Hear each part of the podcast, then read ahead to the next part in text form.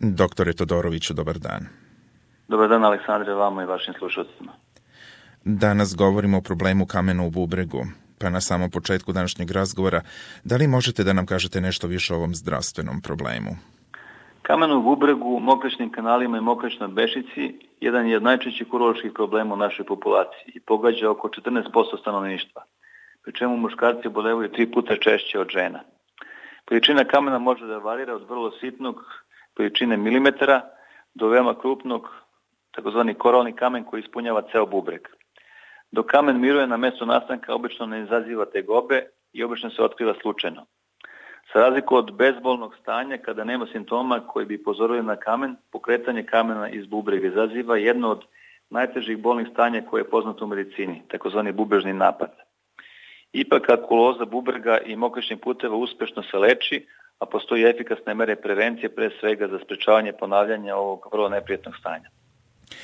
A koji faktori utiču na stvaranje kamena u bubregu?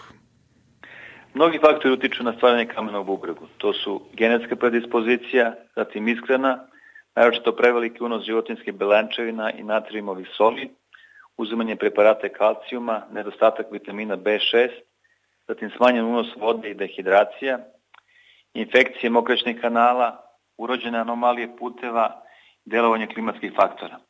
Faktori rizika za nastanak kamena u bubregu su ishrana siromašna fitatima, kao što je ishrana koja predominira pirinač, raž, pšenica, ječam i mahunarke, nedovoljan unos tečnosti, ishrana siromašna prirodnim kalcijumom, korišćenje saplemenata kalcijuma, prevelik unos životinskih belančevina, gojaznost i kronova bolest. Pored otkrivanja kamena u bubregu i mokračnim putevima, ultrazvukom kamen se može videti i rentgenskim snimanjem urotrakta kao i skenerskim pregledom abdomena i karlice. U tu svrhu se obično preporučuje poseban skenerski pregled takozvani nekontrastni CT. Bubrežni kamen veličine do 5 mm najčešće prolazi kroz mokraćne kanale i urinom biva izbačen iz tela, što slučaj sa oko 50% kalkulusa veličine do 7 mm ali ako se zaglavi i blokira prolaz urina, izazvaće bol. Doktore Todoroviću, a da li postoje načini prevencije nastanka kamena u bubregu? Kao opšte mere za sprečavanje nastanka kamena u bubregu i mokraćnim kanalima savjetuje se uzimanje 2 do 3 litra tečnosti na dan, mešoviti dijeta, izbjegavanje samo jedne vrste vode po hemijskom i mineralnom sastavu, izbjegavanje čokolade, lešnika, oraha, badema, odnosno hrane sa visokom koncentracijom oksalata. A kako se postavlja diagnoza kamena u bubregu? Dijagnozu kamena u bubregu postavljamo anamnezom, odnosno razgovorom s pacijentom, zatim na osnovu simptoma. Bol je najčešći simptom kamena u bubregu. Bol može da bude blag ili toliko jak da je potreban smeštaj u bolnicu. Nastupi teškog bola, poznati kao bubrežna kolika ili bubrežni napad, i obično traje 20 do 60 minuta i mogu da se ponavljaju više puta u toku dana. Se najčešće javlja u slabini sa leve ili desne strane i može da se širi prema donjom stomaku i polnim organima. Pojava karakterističnog bola, pojava krvi u mokraći koja može da bude vidljiva golim okom ili samo s pomoć mikroskopa, pri analizi mokraći ukazuju na kamen u bubregu ili mokračnim kanalima. Ostali najčešći simptomi jesu mučnina i povraćanje u fazama napada bolova i neodložna iznenadna potreba za mokrenjem. Zatim snimanja. Ultrazvuk, skenersko snimanje, nativno rengensko i kontrastno snimanje mokračnih puteva. Kompjuterizovana tomografija pravi trodimenzionalnu sliku struktura u telu, pa tako i kamenom mokračnim putevima. Određeni tip CT skenera nazvan spiralni CT se najčešće preporučuje kada se sumnja na kamenog bubregu. Ultrazvuk se široko koristi u diagnozi kamenog bubregu, iako malo kamenja i kamenje u reteru može da se previdi. Međutim, ultrazvuk je najbolji oblik snimanja za osobe koje izbjegavaju zračenje, na primjer trudnice. Nativni snimak urotrakta predstavlja najjednostavniju rengensku metodu koja nam je često koristi u početnom ispitivanju pacijenata sa kamenom mokraćnim putevima, a često i dovoljna kombinacija sa ultrazvučnim pregledom. I intravenska urografija, koja je poznatija kao dubinsko snimanje bubrega i mokraćnih puteva. Doktore Todoroviću, a kako se leči? Lečenje kamena u bubregu najčešće zavisi od veličine i položaja kamena.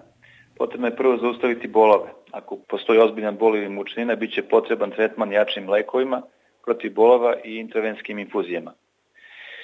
Tretman kod kuće. Savjetuje se veći unos tečnosti, sredstva protiv bolova i lekovi koji pomažu izbacivanju kamena. Kod uzimanja analgetika uvijek treba konsultovati lekara. Od pacijenta se može tražiti da eventualno, ako je moguće, sačiva i donese izmokreni kamen. Poznavanje tipa kamena je naporno tako bi se odredio tretman za sprečavanje ponovne pojave.